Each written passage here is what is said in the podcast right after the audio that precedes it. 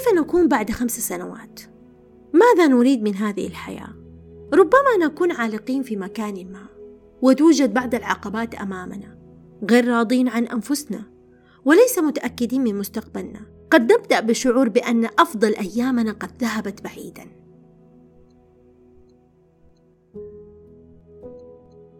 لحظة من فضلكم. قبل أن تغرقوا في بحر المشاعر دعونا نفكر قليلا.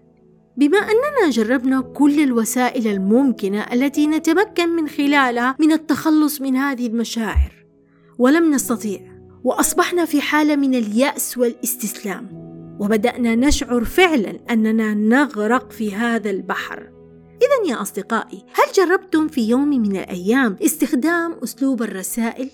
ولكن هذه الرسائل تكون من نوع آخر؟ تكون لشخص واحد فقط؟ هذا الشخص هو أنت؟ نعم نعم هو أنت. لا تستغرب من الأمر. أهلا بكم يا أصدقائي في حلقة جديدة من حلقات بودكاست بلورة محدثتكم الآن المدربة رانيا سابق. في هذه الحلقة سأخبركم عن الرسائل الذاتية. وكيف تكون هذه الرسائل بمثابة طوق نجاة يساعدنا في عدم الغرق في بحر المشاعر السلبية؟ ولماذا نكتب هذه الرسائل؟ وما هي الفائدة التي سنحصل عليها من كتابة هذه الرسائل؟ إذا يا أصدقائي سنبدأ هذه الحلقة وأريد منكم أن تستمعوا لها جيدا لأن فيها كنوز من الفائدة.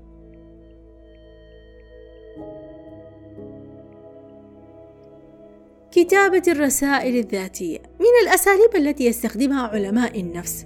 فهذا الأسلوب يساعد في التحرر من المشاعر السلبية المختلفة التي نواجهها في حياتنا. فالمشاعر السلبية تثقل على النفس وهذه الرسائل تساعدنا في مواجهة هذه المشاعر بعقلانية بعد تجربة مرهقة أو مؤلمة.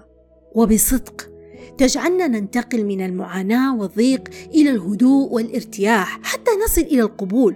وهذا بحد ذاته يخفف من التوتر الداخلي ويسمح لنا باستعادة الطاقة والحماس. الرسائل الذاتية هي ببساطة رسائل نكتبها لذاتنا. فهذه الرسائل تسمح لنا بالتعامل مع المشاعر السلبية المختلفة التي نواجهها في هذه الحياة.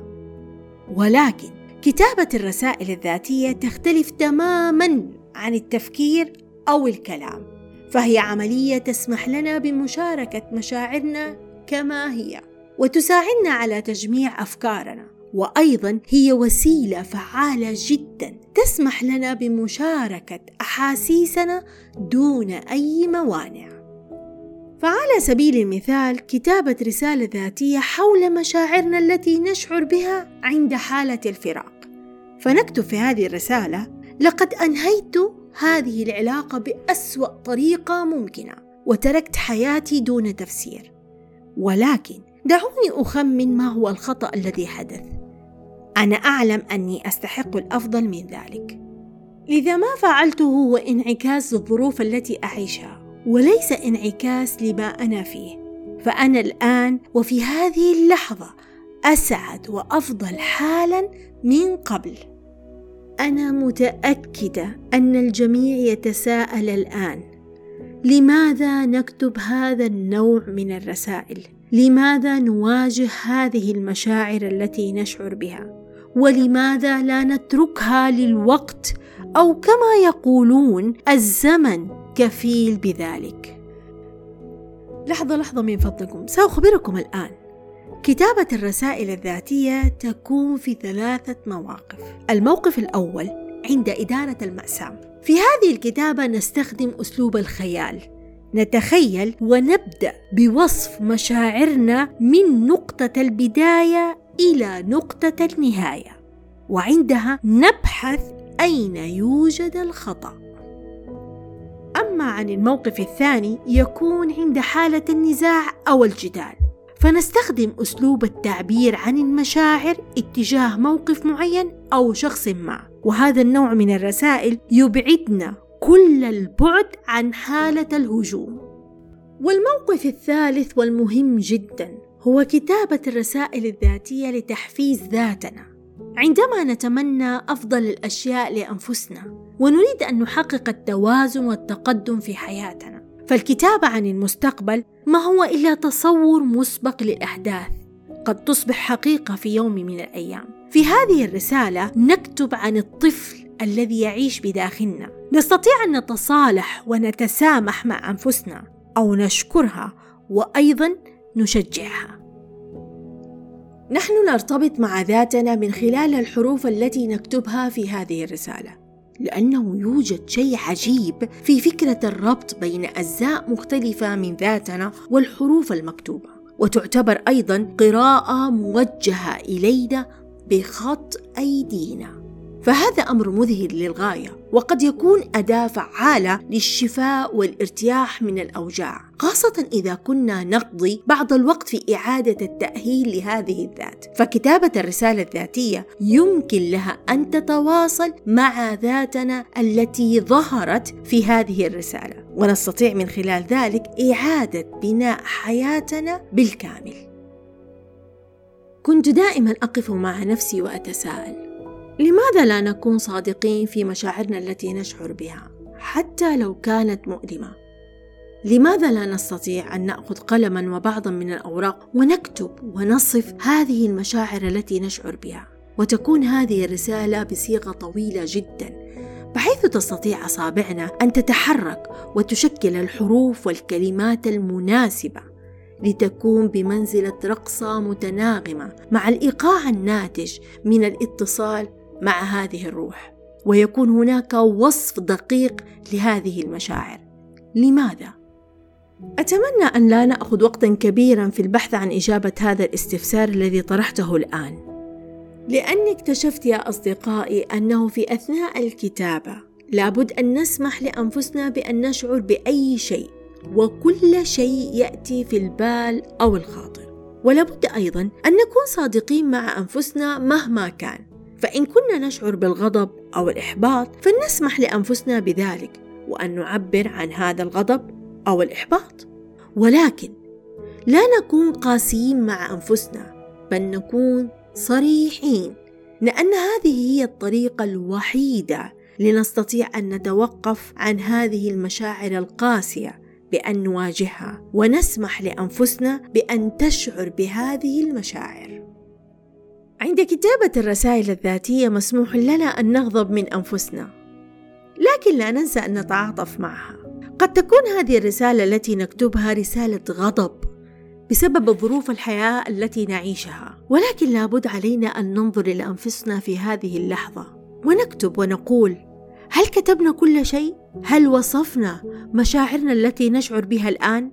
لا بأس إن كنا غاضبين أو محبطين أو مكتئبين مهما كانت مشاعرنا التي نشعر بها فقط علينا في هذا الوقت أن نتعاطف مع هذه الذات الضعيفة ونحبها ونعتني بها. بعد كتابة هذه الرسالة الذاتية علينا أن نفعل شيئا جدا مهم يهدئ هذه المشاعر التي نشعر بها. فمثلا الاستماع إلى موسيقى جميلة ومريحة مع شرب كوب من القهوة اللذيذ. قد نشعر بالتعب العاطفي ولكن لا نفعل شيء آخر غير أننا نغلق هذه الرسالة ونكتب عليها عنوانا يوضحها ونخفيها عن أنظارنا. وعندما نعتني بهذه الذات الضعيفة ونزيد من الارتباط بها نعود إلى تلك الرسالة التي كتبناها في الماضي عن مشاعر الغضب التي نشعر بها ونقوم بفعل بعض الأمور. فمثلا يا أصدقائي نحرق هذه الرسالة ونشاهد ألسنة اللهب تلتهم مشاعر الغضب التي كتبناها في هذه الرسالة. ومن الأمور أيضا نقرأ هذه الرسالة لصديق صدوق. وعند الانتهاء من القراءة نشعر أن هذه الرسالة أكملت دورها للنهاية. وآخر الأمور نرسل هذه الرسالة لأنفسنا وعندها سنشعر أن كل شيء انتهى. الكتابه الذاتيه تمرين رائع جدا يجب القيام به مهما كانت أعمارنا لأننا نمنح خطابا لأنفسنا يوضح ما نشعر به وننظر بعين ثاقبة ونتعلم درسا قيما في حياتنا. وبعد ذلك نفكر في الأمر على أنه كبسولة زمنية نستحضرها كذكرى كتبناها في الماضي. وبهذا سنفرق بين نفسنا الحالية وبما كنا عليه سابقا. هناك يا أصدقائي فوائد عديدة وعظيمة لكتابة الرسائل الذاتية. ومن أهم هذه الفوائد غرس الامتنان وهذا من أفضل الأشياء لصحتنا العاطفية والنفسية. فممارسة الامتنان بانتظام يقلل من التوتر ويساعد على إدراك ما لدينا. وإذا كنا سنكتب رسالة إلى أنفسنا فإن التعبير عن الامتنان هو من أكثر الأمور حكمة التي يمكننا منحها لذاتنا. فالرسالة التي تحمل الامتنان بما لدينا عبارة عن رسالة في زجاجة نفتحها بعد سنوات. ونشكر أنفسنا على هذا المستقبل الذي نعيشه الآن لأننا أدركنا مشاعر الامتنان. في بعض اللحظات نسترجع الذكريات والأحداث القديمة ويكون هذا الأمر مؤلم جدا. يجعلنا في بعض الأحيان نشعر بمشاعر الخجل لأننا سنواجه أكبر نقص فينا. نكون محرجين من أنفسنا على قلة وعينا بذاتنا ولكن في الواقع هذا شيء جيد. لأنه يوضح لنا مدى نمونا العقلي. فلو كتبنا رسالة ذاتية وفتحناها بعد فترة من الزمن سنشعر بالذهول وهذا بسبب أمرين. فالأول سيظهر لنا كم تغيرنا وكيف أصبحنا على الرغم من بقائنا في نفس الجسد. أم الثاني سندرك أنماط تفكيرنا وتكون بشكل واضح على حياتنا. كتابة رسالة إلى أنفسنا ستخرج أفكارنا من الحاضر الذي نحن فيه وتبقينا أكثر تركيزا على ما لم يأتي بعد. وعندما نجلس ونكتب رسالة سنشعر بالأمل والحماس للمستقبل من الآن. في هذه الرسالة سنفرغ عقلنا من الأفكار السلبية ونملأه بتلك الأفكار الإيجابية. ونمنح الإذن لأنفسنا بأن تعمل. وأن تكون طموحة للغاية. وما الذي تتمنى أن تنجزه؟ وكيف ستقوم بذلك؟ وننظر إلى المستقبل بكل وضوح وبشكل ملموس ويصبح لدينا تنبؤ بأننا نستطيع أن نحقق أحلامنا بكل سهولة.